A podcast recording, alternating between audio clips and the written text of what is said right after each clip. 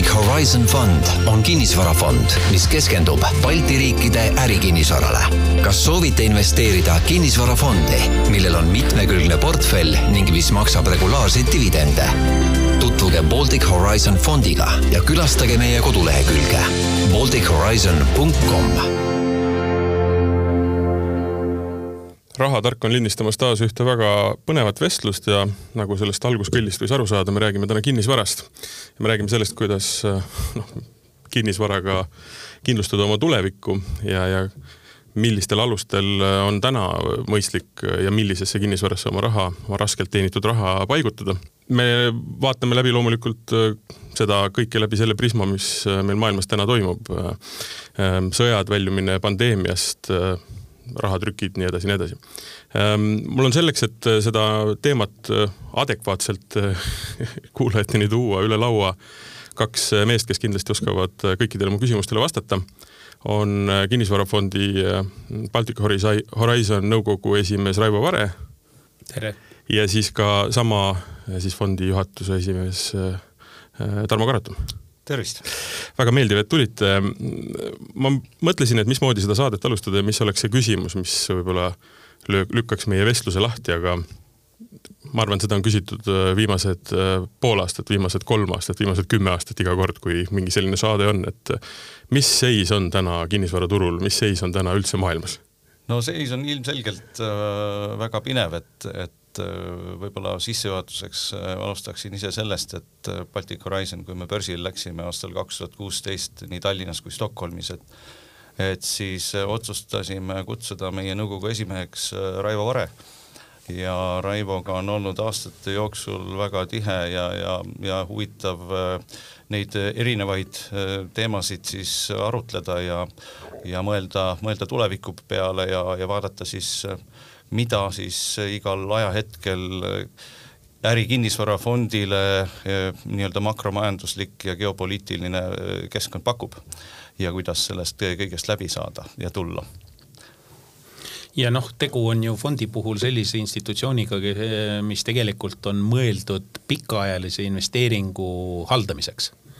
ehk siis ei ole mitte lihtsalt kogum raha, mis pannakse ühte mauti kuhugi maha või sisse, vaid see on tegelikult professionaalselt juhitud investeeringu äh, koht, kust, kus vaadatakse sellist noh, laias laastus ütleme niimoodi kümne-kaheteistaastase perspektiivini välja, mis toimub, eks ole, ja, ja manageeritakse seda võimalikult äh, täpselt, professionaalselt ja muidugi ka mastaap on oluline. Võrreldes tavalise üksikinvesteeringuga, kus inimesed kipuvad nii-öelda tegema äh, konjunktuurseid otsuseid väga kiiresti, siis äh, selliste rate tüüpi fondide puhul on selgelt hoopis teistsugune lähenemine ja selline vaadatakse, mis on täna ja vaadatakse ka seda, mis on homme ja osatakse seda ka professionaalsemalt teha. ja noh, kui mõeldakse kinnisvarale ja mõeldakse kinnisvarafondile, siis tihti noh, esimene mõte võib-olla inimestel on see, et peab olema väga palju raha ja, ja, ja, ja väga suured mängud on, et et kuidas see Baltic Horizoni kaudu investeerimine käib, ma natukene seda fondi siin äh, lähemalt vaatama? no nii ta on, et, et me oleme üks ähm, kinnisvarafond, mis on siis börsil noteeritud ja me ei ole niisugune privaatne klubi, et oleme äh, väga ütleme siis avalik äh, institutsioon ja see, sellega seoses siis oleme ka kättesaadav investoritele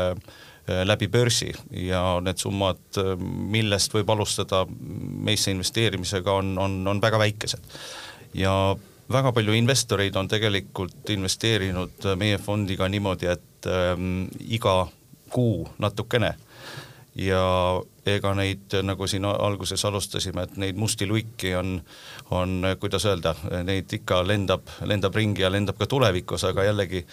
ähm, pika perspektiiviga investeerimine aitab, aitab neid sisen-, sisenemisi balansseerida ja lõpuks siis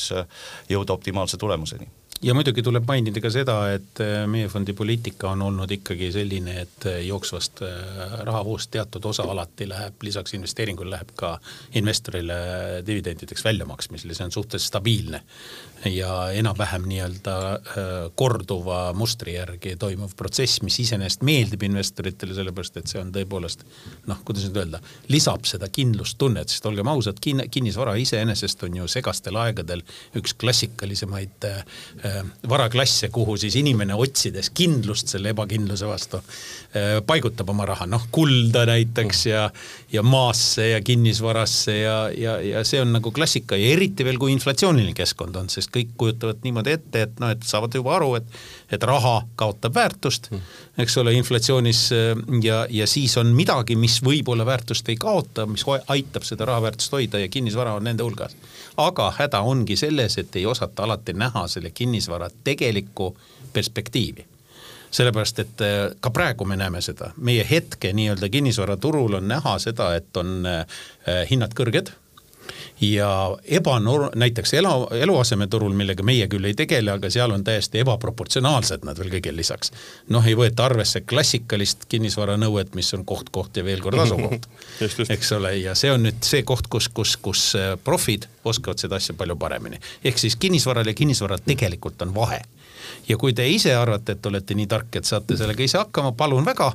aga te suudate seda võib-olla ühe objektiga teha, aga kui teil on vaja näiteks noh, suuremat äh, paigutust, siis juba ammugi ei suuda. teistpidi fondis profid oskavad öelda ja oskavad ka riske hajutada, mida võtta ja kuidas riske hajutada, see ongi selle mm asja mõte ja sellepärast ka jaeinvestorid ka tulevad mitte ainult institutsionaalsed mm sellistesse fondidesse Location, location, location on tõesti üks kõige olulisemaid asju kinnisvaras, eks ju äh,. lähtudes sellest äh,, kas on mingi konkreetne valdkond ka või mingi kindel äh, nii-öelda sektor, millesse Baltic Horizon äh, investeerib või vaadatakse tegelikult kogu nii-öelda siis äh, spektrit? ei no üks asi on kohe kindel, see on ärikinnisvara ja teine asi on kohe kindel, need on nii-öelda alussambad, on, et tegu on pealinnadega Baltikumis. jaa ja just äh, me ise peame ennast äh, professionaalideks ka just büroo segmendis ja, ja kaubandussegmendis, et et jällegi pika perspektiiviga, et, et jah, muidugi Covid oli selline huvitav must luik, mis südalinnast võib-olla hoidis mõne aja inimesed eemale, aga näed, tuleb välja, et inimesed ikka tahavad südalinnas käia, et noh, täna on see, täna on see numbritest meil näha, eks. ja, ja, ja turism, turism on ikka see, mis otsib südalinnas tegevust ja ja, ja jääb seda otsima ka meie arvates tulevikus, et aga põhiliselt on meie investeeringud olnud jah, büroos ja, ja, ja kaubanduses, aga vaatame ka vaikselt teisi segmente nagu logistika ja tööstuskinnisvara. Hmm. Ja sellel on mitu põhjust, sellepärast et kui me vaatame nüüd korraks suurt pilti, mida mina armastan, siis see tegelikult on, on seotud ka sellega, mis maailmas muudatust on toimunud. seesama pandeemia ja sellega seotud segadused tekitasid olukorra, kus tekkis shoring'u surve, ma nimetan seda niimoodi, see on on-in ja, ja, ja, ja off, tähendab on-in shoring, ütleme niimoodi, võib-olla oleks kõige täpsem. ja, ja see tähendab midagi muud kui seda, et hakatakse tootmist tagasi tooma sihtturgudele lähemale et ei peaks nii kaugelt vedama, sest seal on kogu aeg mingid segatused noh, me näeme praegu Hiinaga seoses, mis juhtub. Hiina maailmavabrik, nelikümmend protsenti kõik tööstustoodangust maailmast on seotud Hiina tootmisega ja nüüd on Hiinas jama majas, eks ole, neil on kogu aeg need lockdown'id seoses pandeemiaga jätkuvad muuseas erinevalt meist ja, ja kogu aeg on probleemid. toome lähemale aga mis see tähendab, see tähendab kohe, et korraldatakse ümber mitte ainult tootmise pool, milleks on ka muuhulgas vaja äh, kinnisvara, aga see ei ole primaarne, see on lihtsam teema. aga on vaja logistikat, on vaja tegelikult äh, äh, kommunikatsioone, on vaja taristut ja nii edasi, nii edasi, nii et sellega tuleb tegeleda ja see on niisugune süsteemne lähenemine ja see on üks põhjuseid, miks, miks tasub vaadata ja teine põhjus on veel, inimesed läksid koju ja selgus, et ei peagi nii palju poes käima, tolgendamas, ei pea nii palju tegema seda, teist või kolmandat, eks ole, mida enne tehti. ja, ja ühtepidi see lõi teatud ärisid, aga teistpidi tekitas ka uusi ärivõimalusi. ehk siis hakati palju koju tellima tekkis palju suurem surve ja nõudlus praegu äh, selle nõndanimetatud viimase miili jaotusele kus seda, see on siis siis, kui tuuakse nii-öelda sulle koju kätte asjad, eks ole, ah see tähendab jälle mida, see tähendab ju ümberkorraldust logistikas, see tähendab täiendavaid ärivõimalusi ka sealhulgas logistika äri jaoks ja koos sellega siis ka seda, seda teenindavate sektorite jaoks, kaasa arvatud kinnisvara, nii et, nii et see on nüüd see koht, kus, kus tegelikult ütleme niimoodi, et kriisides reeglina ja eriti veel pikkades kriisides, nagu see praktiliselt vahet pidamata on kulgenud kahe tuhande kaheksandast aastast alates, toimuvad suuremad muudatused ja tegelikult ei arene mitte ainult Euroopa Liit, nagu armastatakse öelda, läbi kriiside ainult, muidu ei taha areneda.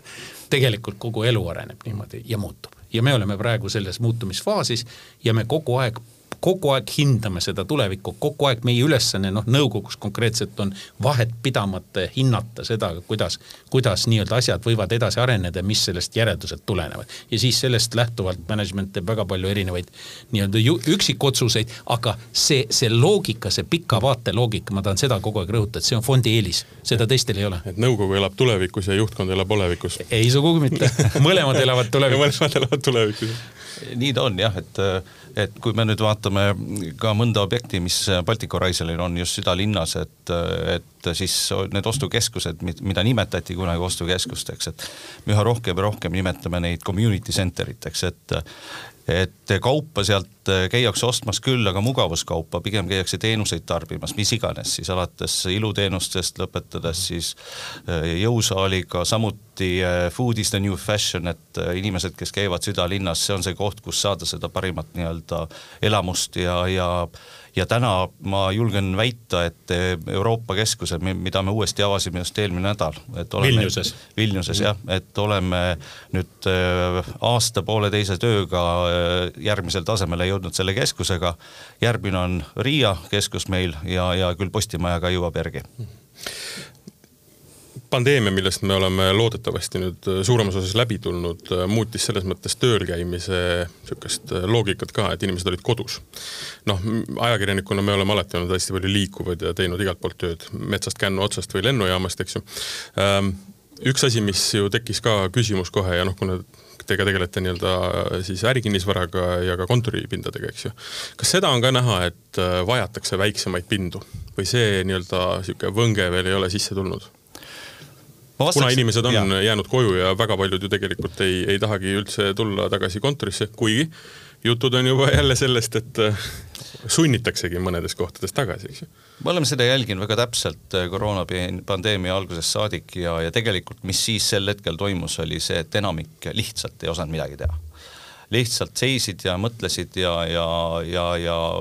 paljud suurüürnikud, kes meil on, ütlesid, et vähemalt poolteist aastat läheb aega või, või isegi natuke rohkem, et aru saada kõigepealt, et pandeemia peaks läbi olema, siis anda veel pool aastat sellel asjal nii-öelda äh, kuidagi balansseerida ennast.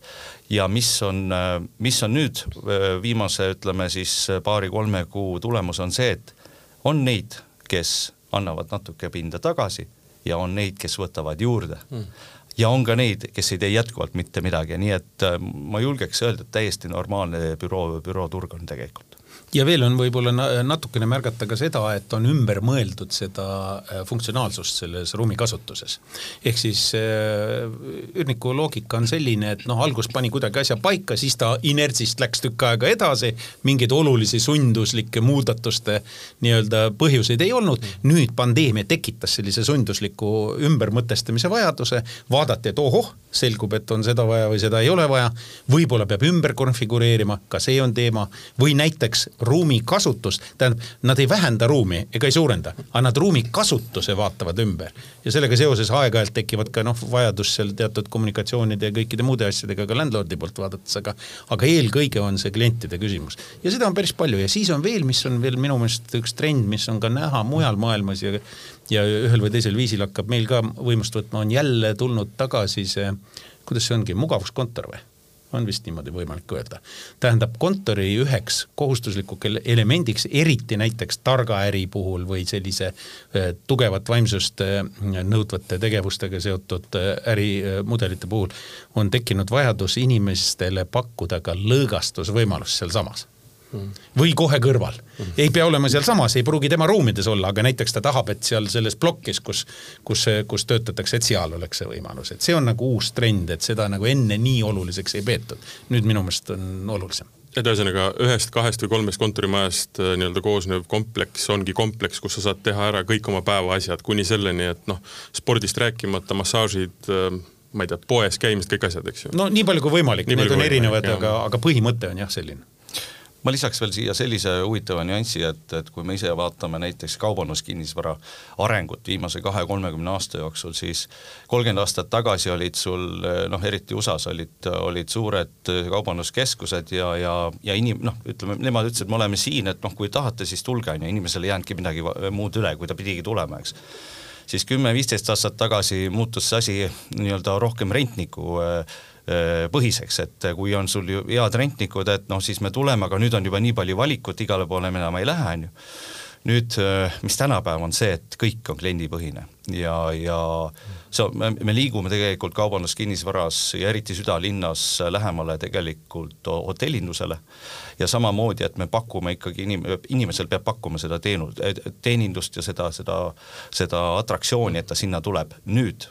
räägime büroosektorist, seal on täpselt sama asi juhtumas.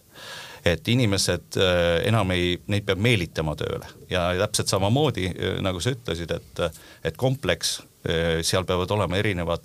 väärtused, erinevad võimalused, mida inimene, inimene tahab säästa täna hullult aega, see on number üks vajaduseks. Ja sealt, sealt lähtub kõik. ja seal on veel pereelukorralduslikud probleemid samuti, mis on muuseas Tallinnas väga suur probleem konkreetselt, sest meil on see kigilipsukujuline linnakuju tekitab teatud probleeme sellega täiendavalt puhtkommunikatsiooni äh, korraldamise mõttes.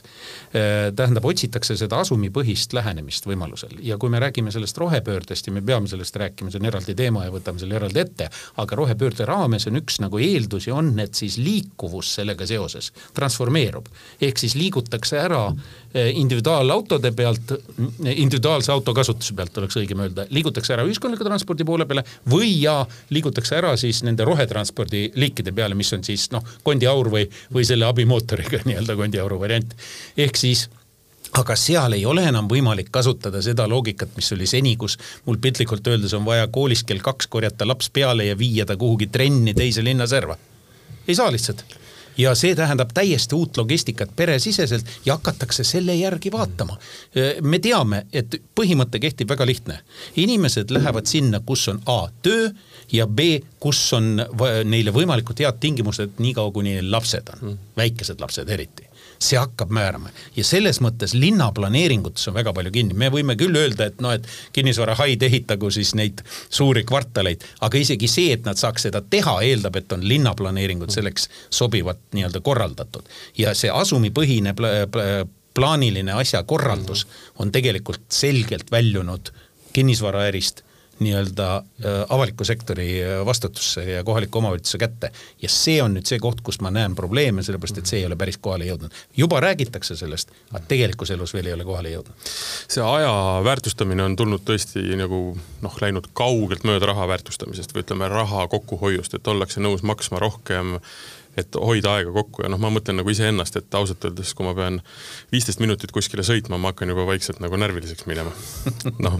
aga viisteist minutit ongi see lausa linnauurijate poolt välja toodud, see asumi nii-öelda tegelik kannatavuse sellega piir. ma saan hakkama veel. jah, et sellega inimesed saavad hakkama ükskõik mil viisil, kas või jalaga nad teevad selle ära. aga kui on juba üle viieteist minuti, on juba probleem ja. ja tööl käimise puhul on Eesti puhul on nelikümmend viis minutit, mujal maailmas kaks tundi no vot sellest kahest tunnist ma olen kuulnud neid jutte äh, Moskvas liikumisest ja noh, see. mina olen näinud ja elanud ma olen, seda läbi. ma ei ole seda, ma olen seda läbi elanud väga vähe, aga siiski ja et see on košmaar. ma olen pool kaks olnud Sadova-Kõltsool kaheksa rida kumbagi suunas ummikus ja. ja ei saa sammugi edasi kaks tundi, nii et see kõik on võimalik, aga meil õnneks ei pea see nii minema, meil on praegu ja. võimalus ja šanss. kõikides Balti pealinnades tegelikult nagu saadakse sellest aru, aga see realisatsioon on veel, jätab natukene soovida. aga me oleme sinna suunas teel, eks? See mhm. huvitav, see viisteist minutit siin Baltikumis, Baltikumi kaubandussektoris on ka väga oluline termin, et ehm, või tähis, et, et kõik kaubanduskeskused on tegelikult ütleme viieteist minuti kaugusel ja, ja see on mõnes mõttes pannud ka väikse piirangu online kaubanduse kasvule, et jah, see on vaikselt kasvanud, aga see ei ole samal tasemel, mis on Londonis, mis on suurtes, suurtes sellistes suurlinnades natuke vaidleks, see on õigus selles mõttes, et praegu me oleme üliautostunud kui me nüüd astume sammu tagasi ja läheme sellele rohetranspordi loogikale rohkem peale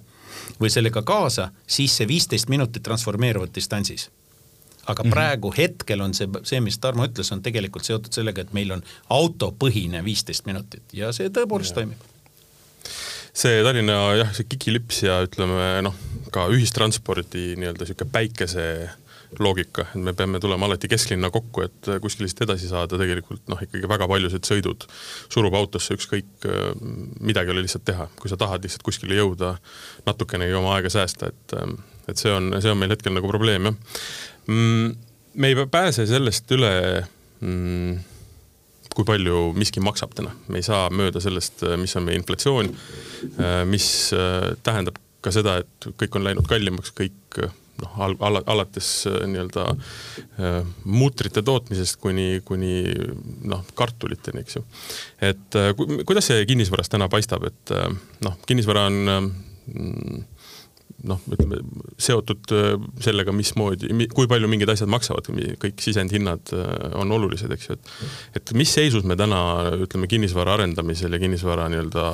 sektoris üldse oleme. Arvestades ka veel seda, et kui sõita kasvõi Tallinnas ringi, eks ju, siis noh, kraanasid on kõik kohad täis, maju ehitatakse sellise äh, hooga, et õudne, mis ütleme, minu kui linnakodaniku vaatest on väga ilus, kõik need hambaaugud saavad täis, noh, vaatame, mida nad täis saavad, aga seda saab vaadata või seda saab analüüsida kahe, kahest äh, nagu vaatevinklist, üks on ehitamine ja, ja ehitusmaterjalid äh, ja mis on nende sisendite hinnad äh, ja mis nad on teinud viimase ütleme poole aasta jooksul, teine on haldus. ja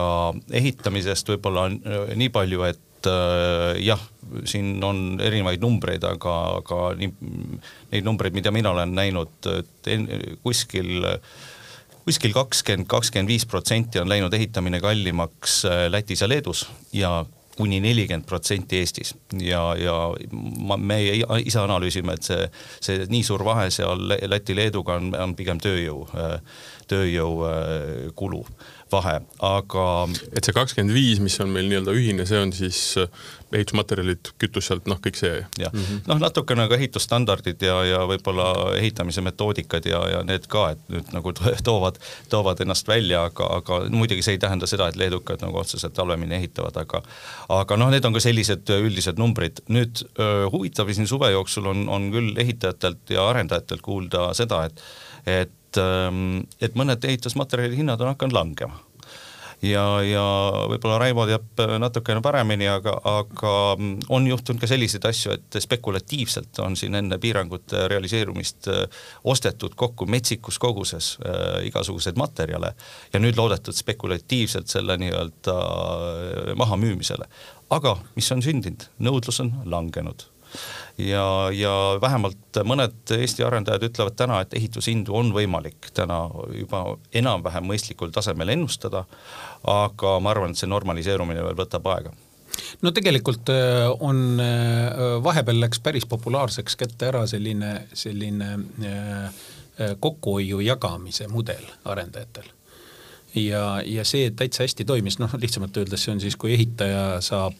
saab võitu sellest, et ta hoiab kokku ja, ja ta jagab seda siis, siis tellijaga või nad omavahel jagavad. nüüd vahepeal läks asi natuke käest ära, kuna hinnatase läks eh, nii pööraselt segaseks, et, et tekkisid avatud äh, hinnaga lepingud noh, teatud mängureeglid selle protseduurid, aga põhimõtteliselt avatud linnaga, hinnaga lepingud. sest aga... ehitaja ei tahtnud võtta riski. just, just mm -hmm. ja väga tihti oligi risk oli materjalirisk ja, ja, ja noh, ma olen ka näinud sellist olukorda mingil hetkel siin oli, kus, kus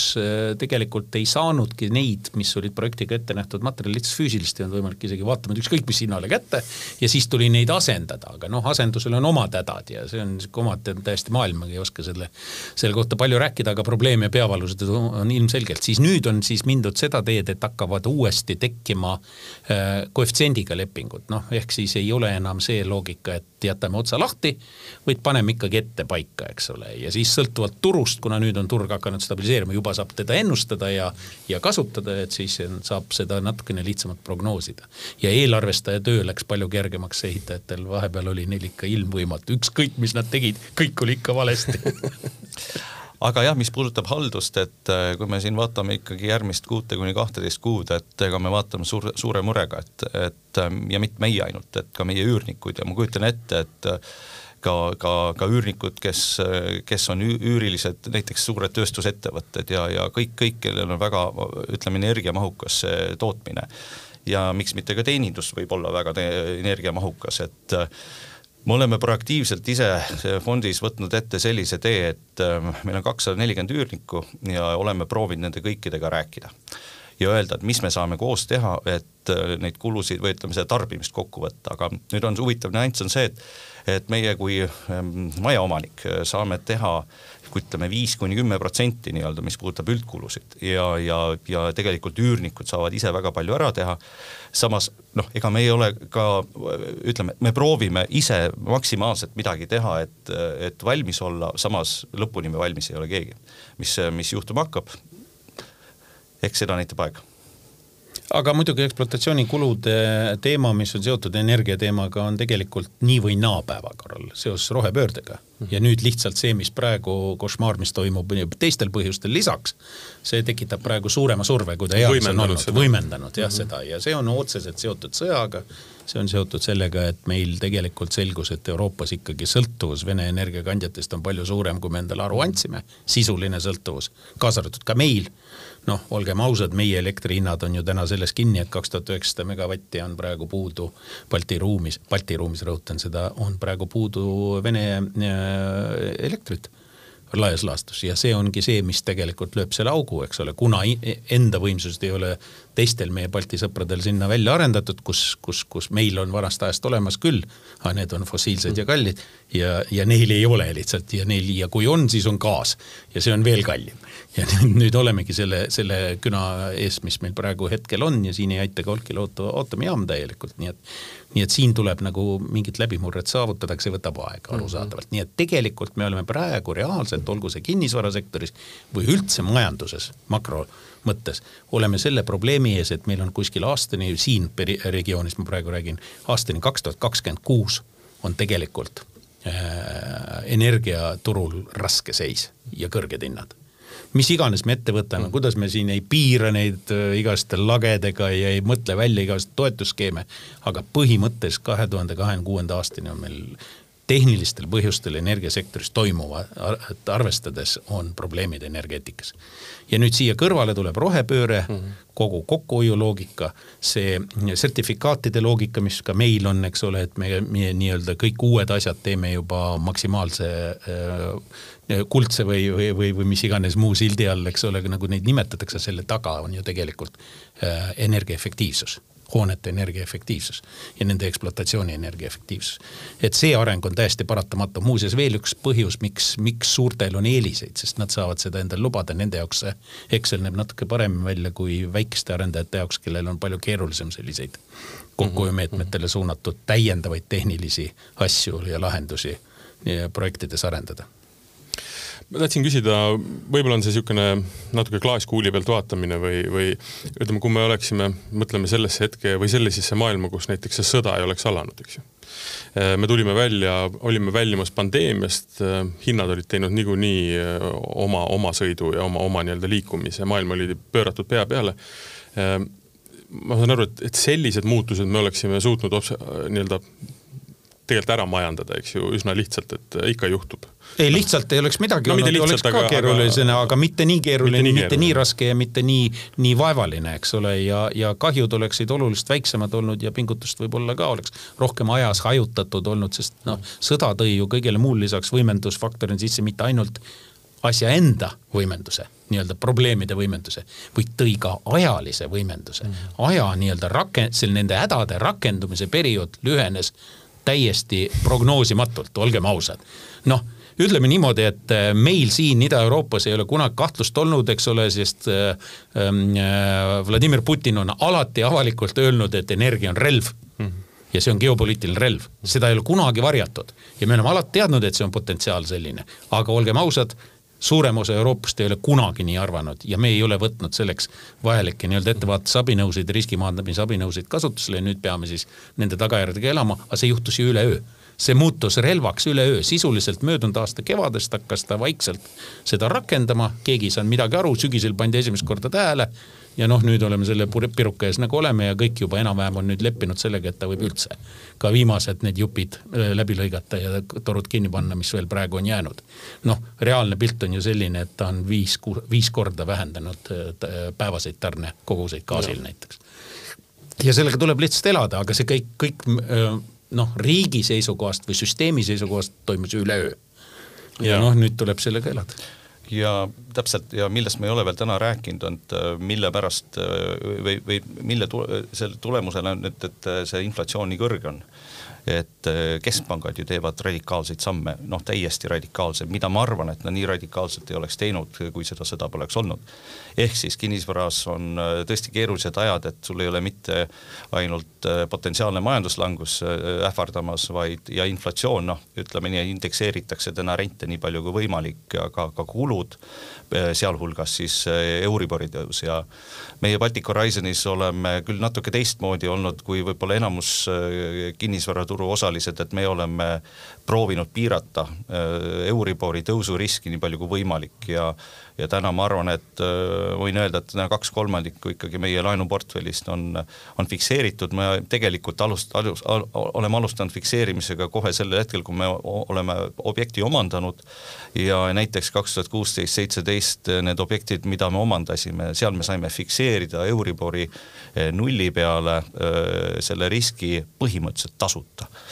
et jah, aastate jooksul me oleme natuke selle eest maksnud, aga täna me tunneme pigem ennast turvaliselt, et vähemalt järgmised kaks aastat me vähemalt elame selle asja üle, kui tõesti Euribor näiteks peaks minema kuue peale, no siis on ikka kinnisvaraturg ikka täiesti käpuli. ja, ja olgem ausad, tegelikult see kaks aastat äh, ongi tegelikult enam-vähem see riskiaeg praeguse seisuga, kui vaadata suurt pilti. ehk siis need, kes äh, kes arvestavad sellega, et kui kaua asi kestab, siis julgeks arvata, et erinevate äh, toimemehhanismide koos, koostoimes tegelikult üks paar aastat on meil väga suured probleemid, energiaturul, nagu ma ütlesin, on kolm aastat mm., eks ole äh,, finantsturgudel laias laastus kaks aastat. ja see ei ole meist sõltuv me peame lihtsalt sellega kohanema ja noh, püüame ette näha ja püüame riske maandada ja ja isegi kui sa täna nii-öelda noh, osa inimesi on valmis nagu ikka turul osaledes ka riskima rohkem. mm aga noh, fond ei saa päris nüüd riske võtta, eks ole, fond on selles mõttes, maandab riskid ära ja ja see, see-eest magab rahulikult, nagu öeldakse, sellepärast et kui sul on ikka väga täpselt teada, mis su, mis, mis, mis su hind on, eks ole, reaalselt, mis kulud sul tulevad peale täiendavalt ja mis sa saad arvestada seda kõike ette prognoosivat pika aja peale ette olukorras, kus teised ei saa seda teha, võivad üleöö sattuda probleemi, et, et, et siis noh see on meie valik ja ma arvan, et see on õige praeguses segas turbulentses olukorras, mis veel mõnda aega kestab. no vot, see ongi küsimus, et ega me ei tea, mis saab me no, tegelikult ei tea, tea, kuhu, kui kaugele see läheb. ma arvan, et täna on nagu selles mõttes noh, me ei mängi enam ju selles maailmas, kus me arvame, et noh, tegelikult Nord Stream ikkagi natukene veel tiksub ja ja sealt küll me saame natukene, et noh, täna me peame ikkagi elama maailmas, kus noh, sein on ees selles ja. mõttes ja selle asjaga tuleb nüüd harjuda ja et noh, selles mõttes on nagu võimalik plaane, plaane teha, olgugi et need on karmid ja rasked ja tõenäoliselt väga-väga nii-öelda ebameeldivad kõigile osapooltele. aga muidugi ma ei väsi kordamast siin ja tihtipeale ka esinedes olen sellest rääkinud, et on ära unustatud, kõik on, kordub. tegelikult äh, täna ei ole miskit uut, vaid see on hästi unustatud vana. no näiteks tegelikult oli ju seitsmekümnendates pärast Yom Kippuri sõda, seitsekümmend kolm kuni kaheksakümmend kaks oli ju tegelikult kõrge inflatsiooniperiood, mille siis surus eelkõige Paul Volckeri eesotsas äh, äh, Fed maha aga see oli ju selline olukord, kus tegelikult inflatsioon oli peaaegu kakskümmend protsenti ja intressid ka muuseas ja ka jäädi ellu. nii et noh, sellega võrreldes on naljanumber ja minu lemmiknäide on Eestist. mina läksin panka tööle üheksakümne teisel aastal, esimesel poolaastal enne krooni toomist oli esimese poolaasta inflatsiooni näitaja oli nelisada viiskümmend protsenti. kui kroon tuli, siis see lõi selle allapoole üheksakümne peale ja me elasime selle kõik edukalt üle ja arenesime ja kõik toimis, aga, aga noh, kohanesime. ehk siis nüüd tekkis uuesti selle vahepealse sellise mugava perioodi asemel tekkis uuesti vajadus kohaneda ja, ja nii-öelda ettenägevalt toimida ja, ja lihtsalt võtame jalad kõhu alt välja ja toimetame mina olin äh, sellel ajal, kui, millest me rääkisime, üheksakümmend kaks olin üheteistaastane, ei mäleta sellest eriti midagi, minul oli väga ilus lapsepõlv. Äh, aga ma kujutan ette, et toona see õhinapõhisus äh, riiki luues oli see, mis ütleme, noh, muutis võib-olla mugavamaks natukene siin inflatsiooni. kindlalt, kindlalt, psühholoogial on ja, selline täpselt, oma roll täpselt. ja teine asi, psühholoogia oli ka selles mõttes, et see oli vabanemistunne ja ma võin nii-öelda ähm, asja tunnistajana ja osalejana öelda, et tegelikult oli vaimustus, sa tahtsid teha mm. -hmm. sa, sa, sa nägid küll raskusi, sa hädaldasid ka võib-olla natukene, aga see ei olnud maailma lõpp, eks ole. lihtsalt leidsid tee, kuidas asjast välja tulla ja enamus inimesi seda ka suutsid, kahjuks mitte kõik ka tee peal oli kadusid mm, -hmm. aga suurem osa olid, olid võimelised. me oleme vahepeal selle adaptiivsuse võime natukene ära kaotanud mugava perioodi jooksul ja nüüd oleme sunnitud sellega jälle tegelema üle maailma. nii et ega midagi, tuleb lihtsalt kohaneda ja, ja, ja see ongi meie, meie tugevus. ja meil siin Eestis on veel see eraldi tugevus, eks ole, siin Balti ruumis laiemalt, sellepärast et me oleme me mäletame veel seda mm. aega. mäletame nii-öelda, kui mitte isiklikult, siis vähemalt nii-öelda õhkkonna ja keskkonna mõttes. ja see on, ja, ja see on mm -hmm. väga kõva sõna. muuseas, masu ajal uuriti seda asja, kuidas, miks idaeurooplased said kergemini hakkama masuga kui lääne-eurooplased jutt on siis kaks tuhat kaheksa, üheksa äh, kriisist. ja, ja, ja põhjus oli väga lihtne põhjus oli, kusjuures noh, me mäletame, et eks ole, SKP-d kukkusid meeletult ja nii edasi, nii edasi. miga, sellepärast, et mäletati raskeid aegu ehk elus olid põlvkonnad ja ka nooremates põlvkondades oli see mingil kujul mälus olemas, nii-öelda lihasmälus, nagu mhm. öeldakse, või ajumälus. et sellised ajad on palju raskemad olnud, aga läänes seda ju enam ei ole olnud ja nüüd me oleme jõudnud, eks ole, natukene sinna lääne poole kukkuda selles mõttes nojah, hea elu ja nüüd järsku niimoodi, eks ju. et noh, see on see psühholoogiliselt raske tõenäoliselt, kas noh, kindlasti väga paljudel lööb ta ka rahakoti pihta, aga aga, aga nendele, kes võib-olla otseselt seda rahaliselt ei tajugi nii otseselt, on see raske puhtalt psühholoogiliselt, et äh, kõik on nagu, et noh, nüüd hakkas juba näppude vahele midagi jääma ja nüüd jälle nad võtavad selle ära. aga äh, rohepöörde juurde tagasi tulles, siis äh, noh, üks võib-olla, mis on hea asi selle, selle kaose juures on see, et see on kiirenenud kuigi jutud noh, mitmetest pooltest tulevad ka need, et, et ei ole, ei ole, ei oleks sellega vaja tegeleda ja kui me räägime nagu Saksamaast eile, eile vist või üleeile oli uudis, et ikkagi pannakse viimane, kas on viimane vist tuumajaam kinni nagu keskendutakse rohkem söe peale, mis noh, on nagu niisugune kahe otsaga asi, mitte kahe otsaga, aga tegelikult üsna, üsna, üsna naljakas ja jabur, et, et mis see, mis see, mis see rohepööre tegelikult siis kui võib-olla püüda nüüd siis teda defineerida, et seda jube palju on olnud äh, nii-öelda vahtu, et, et mis ta nüüd siis tänases olukorras tähendab? mis see kiiru-, mis, mis kiirusega me peaksime liikuma, mida me peaksime nagu reaalselt pidama täna siis nii-öelda oluliseks nii-öelda rohepöörde seisukohalt ja milles me peaksime tagasi andma, arvestades seda, et me oleme energiakriisis väga räiges? no meie oleme jällegi suhtunud sellesse pikaajaliselt ja, ja me oleme tegelenud ütleme energiaefektiivsuse ja kogu selle, kogu selle kaasnevaga ja muideks kõik ei ole ainult energiaefektiivsus, on protsessid, on suhtumine, on kommunikatsioon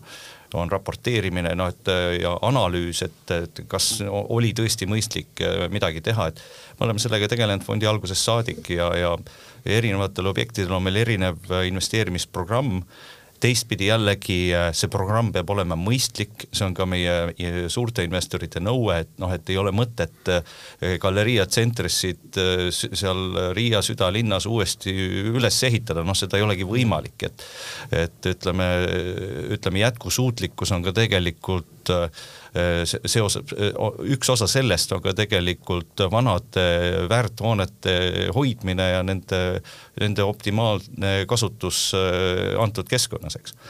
Aga mm, meie jaoks on lihtsalt see programm jätkub, samuti oleme arendanud siin endale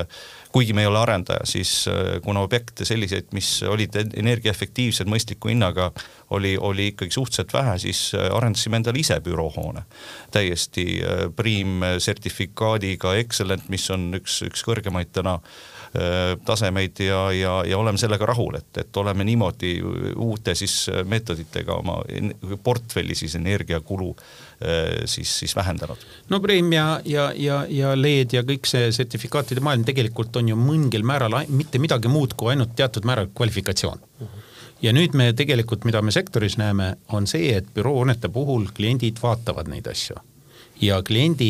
toimub kliendi struktureerumine selle järgi, kas nad peavad sellest lugu või ei pea lugu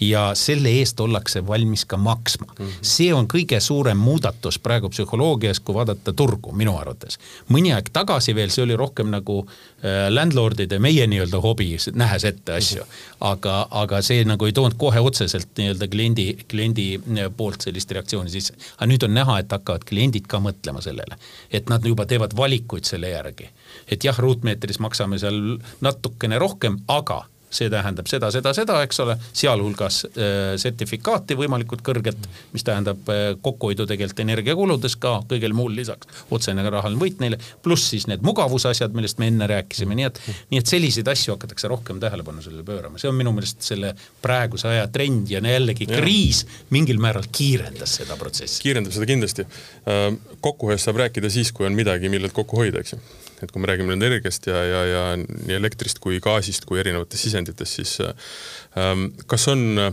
võib-olla noh, tänu sellele või ka varem nii-öelda olnud konkreetseid mõtteid äh,, kuidas üleüldse teistmoodi mm, nii-öelda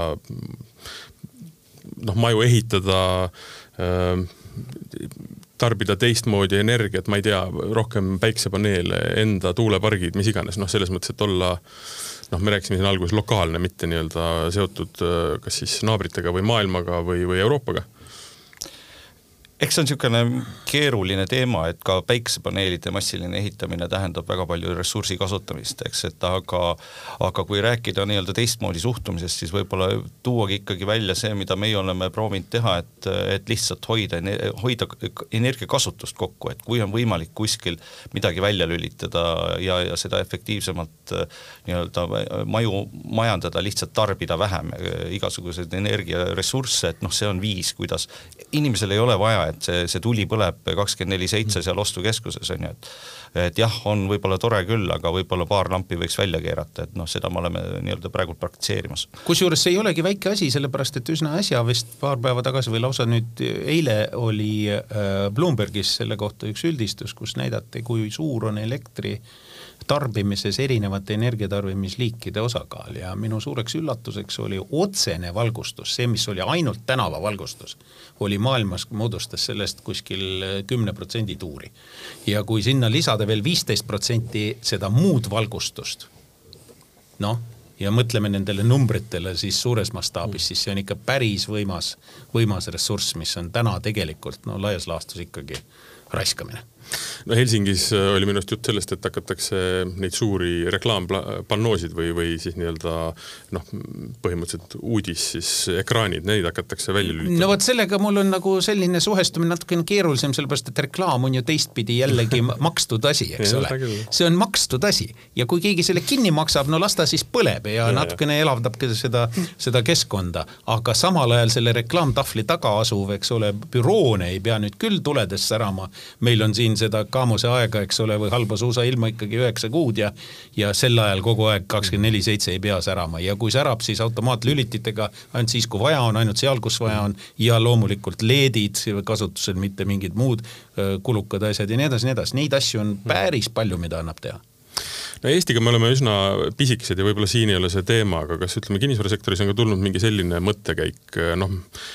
täiesti meelevaldselt äh, küll küsin, aga noh, ütleme suured tootmised ähm, siis puidusektoris äh, Soomes näiteks on mitme peale teinud omale väikse tuumajaama selleks, et ära katta kõik oma nii-öelda energiavajadused. noh, ma ei räägi, et mõne,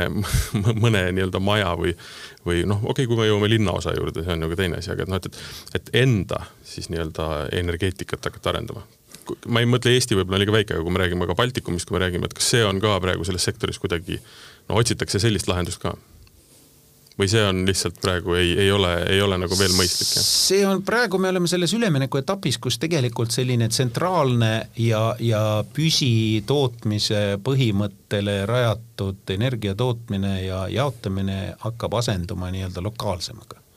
ja selle süsteemi ümberkorraldamine ei ole kaugeltki lõppu, lõpuni jõudnud. noh, selle, selle perverssed väljendusvormid on meil siin Eestis teada, kus eks ole, päiksepargi soovijal, kes tahab ühe, ühe, ennast võrku lülitada, antakse vastuseks, et kui sa kuus miljonit maksad, siis võid palun seda teha. kuus koma kaks või kuus koma seitse. ja vot, vot, vot ja park ei olnud mingisugune megapark seejuures veel. natuke no, iseendale ja teistele ka naabritele. et selles mõttes siin on väga palju veel takistusi tehniliselt mm -hmm. teel ja praegu see oleneb väga palju riikide energiapoliitikast ja minu meelest see ühistuline, nimetame seda niimoodi, mudel, ehk siis regionaalne või energiasaare mudel või neil on erinevaid versioone, siis nende rakendamiseks veel ei ole päris valmis meie ühiskond ei siin ega mujal. see hakkab alles tulema ja küll ta tuleb ka, aga, aga sellega läheb veel kõvasti aega ja tõenäoliselt praegused tehnoloogiad ei võimaldagi sada protsenti nii-öelda selle uue mudeli peale üle minna, pigem me peame ära ootama selle aja, kui tulevad uued efektiivsemad nii-öelda lokaalset tootmist võimaldavad tehnoloogiad et selles mõttes see um, kas äh, on nüüd lõplikult kuidagi jõudnud, noh, ma eeldan, ettevõtjatel on see niikuinii selge, selles mõttes, et nemad loevad nii-öelda bilanssi ja seda Excelit nagu hoopis teise pilguga, eks ju, aga et äh, mm, oleme nüüd jõudnud äh, siis võib-olla noh, ma ei tea siis mis piirkonnas, eks ju, aga lõplikult selle otsuseni, et me ei saa enam olla selles nii suures potis. et see peab lokaalseks muutuma. et see ei ole hetkel nii-öelda niisugune sõnakõlks ja, ja kiirreageerimine olukorrale, vaid noh liigutakse selles suunas? Äh, paradoksaalsel kombel jah ja ei. Teistpidi jah, tõsi, on aru saadud ja Energiasaare loogikat arendatakse üle Euroopa näiteks väga intensiivselt ja sinna veel põimitakse sisse näiteks uue energiakandjana vede, vesiniku, eraldi programm on selle jaoks, aga samal ajal, eks ole, praegune Euroopa poliitikameetmete komplekt, mille ümber praegu vaidlus käib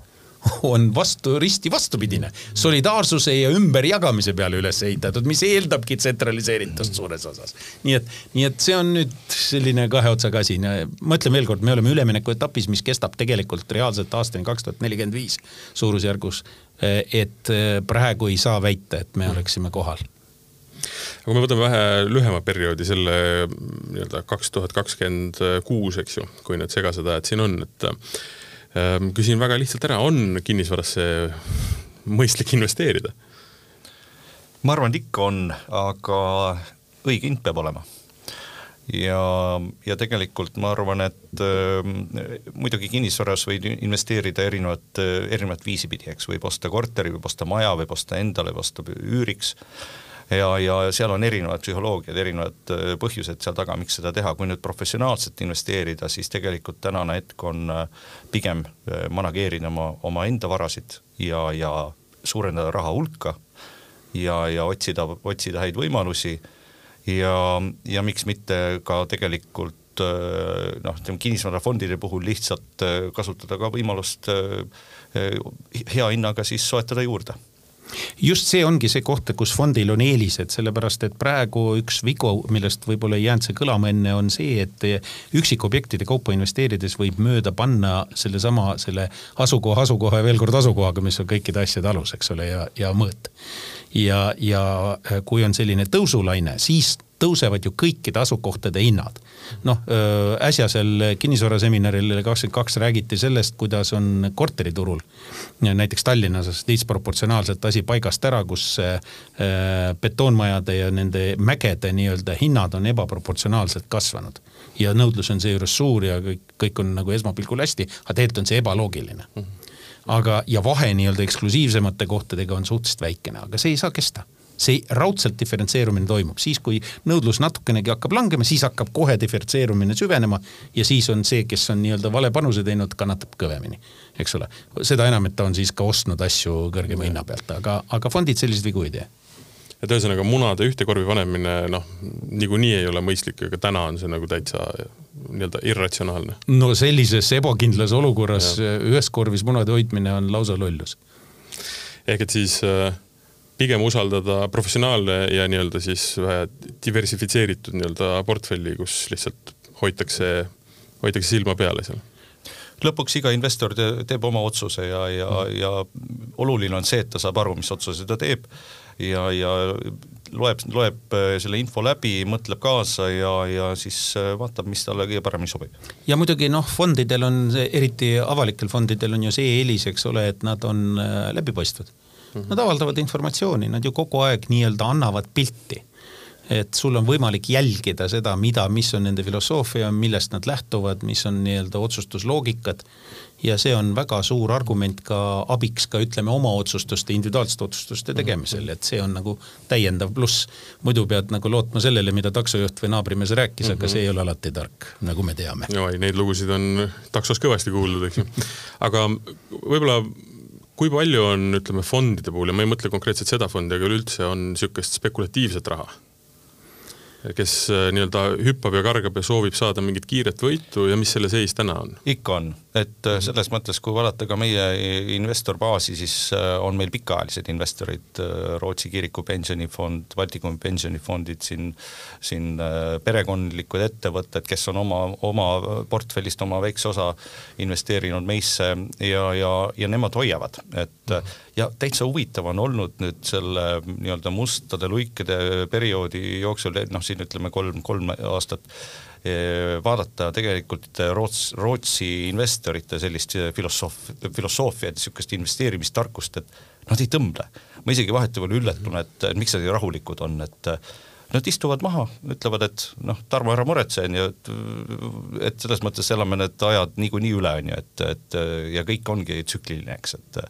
meie fondil ei ole lõppu, eks, et meil ei ole nii, et ühel aastal ostame, viie aasta pärast peame müüma, eks, et et see ongi selline, selline jälle pluss kinnisvarafondide puhul, et aga on ka investoreid, kes lihtsalt näiteks meie puhul ka, kuna me regulaarselt dividendi maksame, et ostavad ennast sisse, võtavad dividendi ja siis müüvad kiiresti maha, et neid investoreid on väga palju aga börs annab selleks võimaluse. see teeb palju kergemaks selle asja, see tehniliselt on väga lihtne ja ka summad on vastavalt väga paindlikud, mis muidu oleks väga keeruline, kui oleks ainult private equity loogika no kinnisvara vist on selline, et äh, ma ei tea, kui mitmeid sajandeid me võime tagasi minna, siis ega ta odavamaks ei ole läinud. üldiselt ei lähe ta kunagi odavamaks, aga küsimus on selles. Location et..., location, location, järjekordselt arusaadav, liigutakse siit-sinna, ma arvan, et Detroitis praegu, no praegu võib-olla juba normaliseerunud, aga siin mõned aega tagasi olid inimesed ikka hädas, ütleme niimoodi, et äh, noh, neid piirkondi on veel, Viivikonna näiteks Eestis, ma arvan, et ei ole praegu liiga popp koht, kuhu omale kinnisvara soetada kuigi ma arvan, terve linn võiks olla võib-olla müügis, et see võib-olla anda võib-olla põneva võimaluse. aga äh, äh, Rootsist rääkides, siis äh, siin oli mõni aeg tagasi oli väikene uudis, et üks äh, nii-öelda üürikinnisvaraettevõte vist hindas oma varasid ümber. ja see, ma mäletan, ma lugesin seda pealkirja, siis äh, oli see pandud nii-öelda, et äh, kanarilind kaevanduses, eks ju. et äh, kas ja kui palju peaks nii-öelda seda sellest hirmu tundma, et äh, noh, tegelikult äh, nii-öelda põhja poolt tulevad äh, sellised otsused? ma ütleks niimoodi, et kui me ise jälgime Rootsi kinnisvaraturgu ja just seda noteeritud ettevõtete turgu, et kinnisvaraettevõtteid on seal börsil noh, kümneid, kui ma ei eksi, päris sadat ei ole, aga no ikka neid on mhm. palju kapitaliturud on väga arenenud, väga palju investoreid on, et neljakümne aasta jooksul nad on selle asja endale väga hästi selgeks teinud ja, ja turud on tõusnud, turud on langenud mis oli küll huvitav nüüd jälgida viimase ütleme viie aasta perspektiivis, on see, et et Baltikumis ütleme, on, on suhteliselt mõõdukas see, see kasv olnud, noh, ütleme nüüd elukondlikkus on see olnud viimasel paaril aastal, aga noh, erinevatel põhjustel võib-olla täiesti ootamatult ka kõrge, et aga see võib ka kiiresti alla tulla, eks. aga kui vaadata jah, kinnisvaraettevõtteid, kes on seal noteeritud, et nende ütleme, börsihind osadel on tõusnud seal kolmekordseks ja, ja natuke isegi peale, nüüd viimase poole aastaga nad on alla kukkunud põhimõtteliselt sama palju. see volatiilsus on, on seal metsik ja, ja, ja selles mõttes see usk sellesse nii-öelda Rootsi kinnisvara lõputusse kasvu tundub, et on olnud väga suur. nüüd, kui on selge see, et, et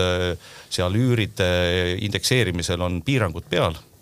eriti elu, elukindlikus kinnisvaras, mida meil ei ole, et see on ka väga huvitav nüanss tegelikult Põhjamaade kinnisvaras, et et äh, siis on, on see usk äh, kadunud. Ja, ja see näitab ka tegelikult selles börsi, börsi kukkumises aga muidugi tuleb äh, selles mõttes endale aru anda, et kuna nüüd rahatrükk hakkab kokku natukene tõmbama, intressid kasvatatakse, siis, siis see tähendab ja inflatsioon veel jätkub ja majanduslangus on ka hetkel veel lähima aasta teema vähemalt, siis, siis see tähendab seda, et tegelikult paratamatult hinnad peaksid mõnda aega ka langema ja mm -hmm. tegelikult nii Rootsis kui ka noh, öeldakse, üldiselt öeldakse niimoodi, et watch the US ehk siis vaata, mis Ameerika Ühendriikides toimub ja seal on ka see protsess praegu mm -hmm. alanud, toimub täiega noh, arvata võib, et see eelseisev aasta-kaks on sellist eelkõige elukondlikus kinnisvaras on sellist langusperioodi ees ja, ja kui palju ta nüüd lööb ärikinnisvarasse, siis seal tõenäoliselt sektoriti võib olla olukord natuke väga erineda. üks asi on büroopinnad, teine asi on seesama logistika näiteks ja nii et ma enne vihjasin, et pigem logistikasse see asi nii hull ei pruugi minna, eks ole. Et selles mõttes seda hirmu ei ole, et kinnisvara hakkab kätte jääma, ma mõtlen äh, nii-öelda arendajale, et, et sellele ei, ei leita rakendust ja, ja pannakse nii-öelda ootele, nagu ma mäletan siin kahe tuhande üheksandal aastal oli, et äh, midagi ei ole teha. ikka pannakse ja muidugi me peame andma ka aru, et pangad on väga otsustavas -hmm. rollis. ja kuna meil on ikkagi noh, kuuskümmend, kaks kolmandikku turust on, on Rootsi pankade käes, siis, siis tegelikult tuleb arvestada, et äh, nende skepsis, mida nende enda maa koduturul nii-öelda areneb, äh, läheb ühel või teisel viisil jõuab meieni ka kinnisvara nii-öelda finantseerimisel, nii, äh, nii arendaja kui, kui olgem ausad, ka eelkõige ostja poole peal ja sellepärast tuleb, aga meie pangad ütlevad selle peale, noh, nüüd me kuuleme igalt poolt, et ei ole probleeme, meie oleme kohalikud, me teame et asi on asi väärt, aga ainuke probleem on, et riski maandamise seisukohast ka nemad on sunnitud, arvestades kõiki poliitilisi suuniseid, mida keskpangad annavad ja kogu üldist makroriski hinnangut ja nad mängivad ju riskiga, siis nad tõstavad intresse mm.. ehk siis saad küll raha, eks ole, aga hoopis teise hinnangu kui senini on olnud, nii et natukene see hakkab ju pidurdama turu nii-öelda äh, mitte ainult kasvu, vaid mm -hmm. üldse turu arengut ja natuke surub alla hindu no kui mõelda seda kahe tuhande viienda, kahe tuhande neljanda kuni kahe tuhande üheksanda aasta perioodi, siis noh, seal oli ikkagi pigem ju see, ma küll nüüd võib-olla, mitte võib-olla, vaid kindlasti pingutan üle, aga oli keeruline mitte laenu võtta seepärast, et seda pakuti igalt poolt ja noh, see tegelikult tekitas kogu maailmas ikkagi ühe väga suure tsunami, eks ju, et täna vist päris nii lihtne ei see kõik ju ei ole, on hoopis teistsugused reeglid, on hoopis teistsugune nii-öelda standard. ei ole ja seetõttu ka see nii-öelda potentsiaalne kukkumisruum on ka oluliselt väiksem mm -hmm. kui enne oli mis jällegi annab olulise kindlustunde, et äh, kinnisvarasektor vähemalt ja ütleme ka fondid äh, tegelikult äh, noh, ma ei taha öelda, et ujuvad välja, aga on tegelikult väga-väga mõistlik viis oma raha paigutada noh jah, siin võib naljaga öelda, et mida öeldi ka finantskriisi ajal, et, et kui sa oled pangale miljoni äh, võlgu, siis on see sinu probleem, kui sada miljonit, siis on see panga probleem. aga, aga nali naljaks, et tegelikult pangad on kindlasti valinud oma partnereid ja, ja nende analüüsid ja, ja üldse, et filtrist läbi saada, et, et üldse, üldse laenu saada ja mis, mis tasemetel, mis osas et need reeglid on väga paigas ja, ja nad kindlasti vaatavad kapitaliseeritust, palju on omakapitali ja, ja ja selles mõttes äh, suhtutakse ikkagi hoopis teistmoodi, eks nad on ise ka väga palju rääkinud, omavahel oleme rääkinud, et et kuidas nad kaks tuhat seitse, kaheksa, üheksa käitusid, et oli hoopis teine aeg, hoopis teised riskid, hoopis teised otsused, aga, aga pigem on sellest palju õpitud ja, ja, ja tahetakse olla pikaajaliselt turul ja pikaajaliselt ka äh, tippmängijatega siis äh, turul äh, lõputult siis mängida, eks. Mm seda me teame, et äh, trafaretsed laused, et ühtegi kriisi ei tohi mööda lasta sellest võitmata, eks ju, ja et kriisis on võitjad, et et kui me mõtleme tänast olukorda, et ma ei, ma isegi ei hakka küsima võib-olla, et kes, eks ju, aga, aga et mismoodi oleks võimalik täna nii-öelda sellest meie olukorrast kõige rohkem võita. noh, räägime selles nii-öelda kinnisvara valdkonnas ikkagi, et, et kes on need, kes võidavad täna? tuleb ikkagi hoida raha ja otsida võimalusi, väga lihtne tegelikult mm. -hmm. et väga-väga äh, läbi mõelda igasugused investeerimisotsused ja kui täna natuke turgu ka vaadata, siis tegelikult ja mitte ainult Baltikumis, et Põhjamaades, et on, on turg ikka hangumaas, et kõik tõmbavad tagasi, kõik ootavad, ei tea, mis sündima hakkab jälle, et et, et äh, intressikasvud, kõik, et mis on see uus hinnatase, ikkagi see äh, müüja ootab kõrgemat hinda, kui ostja tahab pakkuda, et seal on päris suured käärid juba aga müüja ei pea müüma, eks, et äh, iseenesest majandusel läheb ikkagi jätkuvalt hästi, üürnikud maksavad äh, üüri ja, ja, ja ei ole ka laenatud ennast täielikult lõhki, eks, et äh, on ka investoreid, kes siin on ostnud Baltikumis ju ainult omakapitaliga kinnisvara, sest et seda on nii palju tekkinud mingil hetkel, et ei ole mõtet laenu juurde võtta, sest et et keskpank või pangad nõuavad oma negatiivset intressi, et maksta, nüüd, nüüd, nüüd see aeg on küll läbi, aga aga kindlasti on kinnisvaraturg hoopis paremas seisus, et me peaksime nägema siin ikkagi kat-, kat-, kataklüsmilisi selliseid muutusi, et näiteks ma mainisin Euribor kuuel protsendil, et äh, vot siis on küll mm., ma arvan, väga suur, äh, väga suur probleem, enamus ikkagi laenuvõtjatel, mitte ainult ärikinnisvara sektoris, vaid ka tegelikult elukõndlikkus, et palju see siis tõstab mm. tegelikult kulusid ja paljudel võib see üle, üle, üle jõu hakata käima, pluss siis veel majanduslangus ka veel, et kui see nüüd kõik kokku, kokku tuleb, no siis on see perfect storm on ju, ja seda me ei, keegi ei taha näha, aga aga igaüks proovib selleks valmistuda nii palju kui võimalik ja, ja, ja, ja, ja olla see viimane, kes nii-öelda äh, siis põhja läheb aga ütleme niimoodi, et seda segaduste perioodi meil silme ees on siin paar aastakest, kus, kus äh, noh, targalt talitades ei ole hullu midagi, aga mm., aga noh, äh, ratsaveerünnakuga on võimalik üldjuhul mitte võita, vaid pigem kaotada. ja mis, ma küsin veel, siin sai noh, vastusena sina, Tarmo, ütlesid seda, et, et tuleb käituda mõistlikult, läbimõeldult ja targalt. minu arust nii tuleb kogu aeg käituda. see ei ole küll ju nagu kriisis nüüd kuidagi selgeks saanud, aga, aga mis see šanss on sellise, kui me juba mitu korda oleme seda maininud, et, et nii-öelda Euribor kuue peale tõuseb? No meie oleme suhteliselt äh, negatiivselt meelestatud selles osas, et, et äh, see võib olla suhteliselt šokeeriv ja, ja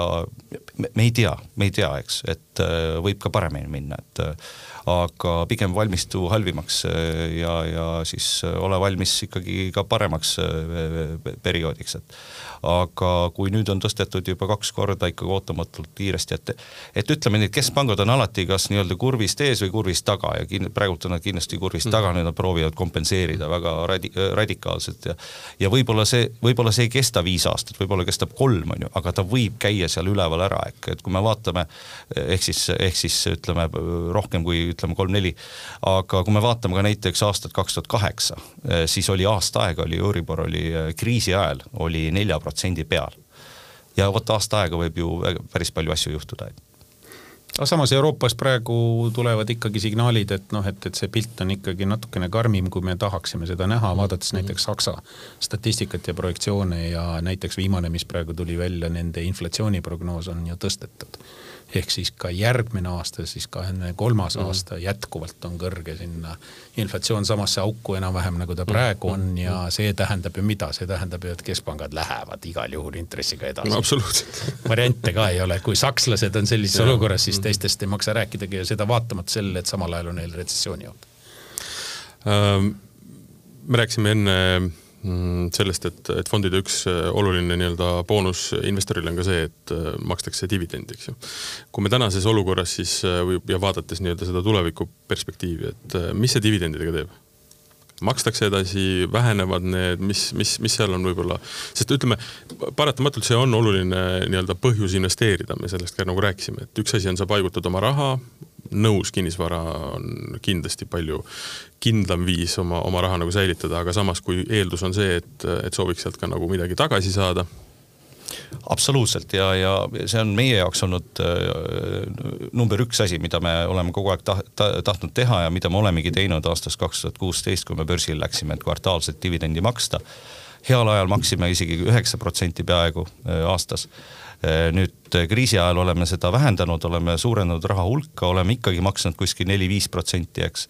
ja, ja ütleme tänase seis, tänases seisus me näeme, et äh, me oleme võimelised maksma ikkagi jätkuvalt dividende mm. -hmm ka siis, kui Euribor tõuseb näiteks kolmele protsendile või rohkem. Ja sellepärast on ka üks, üks nagu valik olnud meil, et jah, olla natukene siis võtta lisa selliseid kindlustusi ehk siis olla, olla siis kaitstud rohkem äh, sellest, kui Euribor peaks näiteks äh, kõrgemale tõstma, tõusma, et, et kui Euribor on kuue peal, nagu ma siin olen varem öelnud, et siis äh, väga paljud rahavooobjektid ei ole enam rahavoo positiivsed mm no ja siis tõenäoliselt tuleb te teha korrektsioone ka dividendipoliitikas, aga tänase seisuga mm -hmm. ütleks ka omalt poolt ka, et tegelikult fondil on ikka olnud kindel tahtmine ja ütleme niimoodi, see on deklareeritud poliitika on meil olnud yeah., et me maksame dividendi, jah, kriisi ajal me vähendasime seda väljamaksemäära, aga me ei ole sellest loobunud, ehk me siis hoiame ikkagi seda põhimõttest kinni, sest see on meie, meie nii-öelda üks alus, aluspõhimõtteid olnud. aga sellel on muidugi tehnilised piirid veel kord, aga see, sellisel juhul nad enam ei sõltu meist. meie, nagu Tarmo ütles, teeme kõik selleks, et täna tänases, kas tänases segases olukorras see siiski toimuks? no see on äh, hästi oluline ja nii-öelda kindlustunnet andev, andev info. ehk et hästi lihtne on ju kohe tõmmata nii-öelda kraanid kinni ja et äh, hetkel on keerulised ajad, noh, me oleme ja. palju kuulnud neid olukordi, kus on keerulised ajad, praegu ei saa midagi teha, istume. Äh, ma küsin ühe trafareti ka, me oleme sellest küll rääkinud terve aja, aga mm, mõne lausega, et mis nüüd saab, mis tulevik toob? eks me näe sama ilus vastus nagu see küsimus oli, eks ma arvan, et tegelikult peab olema selles mõttes äh, rahulik, mul tuleb alati meelde üks tuntud Eesti ärimees, kes juba mõni aeg tagasi, see oli veel eelmise kriisi ajal, ütles, et ei no mis siis hullu, noh, ma olen juba siin olnud äh, kolm või neli kriisi üle elanud, noh, tuleb veel üks ja siis tuleb jälle üks ja lihtsalt tuleb kohaneda. ehk siis olla valmis hakkama saamiseks on tegelikult see võti ja sellisel juhul lihtsalt äh, saab jälle, läheb paremaks, igal juhul läheb paremaks ja noh, nagu me rääkisime alguses, päris kinnisvara on alati olnud see varaklass, mida on hinnatud mm. kui teatud kindlustust ebakindluse vastu. ainult, et selleks peab olema kannatlikkust ja peab olema tark lähenemine sellele varaklassile. aga muu on kõik meie enda kätes. nagu me ütlesime, mets, kuld ja kinnisvara, eks ju. Need on niisugused asjad, mis, kui kõik, kõik on, kõik muu on alt vedanud, siis nendega on üsna, üsna kindel pikas perspektiivis. pikas perspektiivis. aga vot, ma tahan seda rõhutada. palun pange tähele, pikas perspektiivis, see valmisolek ka pikalt mõelda on väga oluline, olgu ta kinnisvaras või mõnes muus, pikalt mõtlemise võime ja tahtmine ka. ehk siis, kui me lähme selle ohvriks, et me jookseme nii-öelda selle aasta segast olukorda veel endale veel segasemaks, siis see on põrgutee iga investori jaoks nii et äh, ei ole tarvis iga esimese nii-öelda krõpsu peale hakata kartma, et äh, mõned asjad peaksid jääma nii, nagu ta on ja ujume välja. just, just nii. suurepärane, aitäh teile äh, saade, mida te kuulasite, oli Rahatark, me rääkisime kinnisvarast, kinnisvarasse investeerimisest ja mul olid stuudios Baltic Horizoni siis kinnisvara fondi äh, nõukogu esimees Raivo Vare ja, ja juhatuse esimees äh, Tarmo Karotam.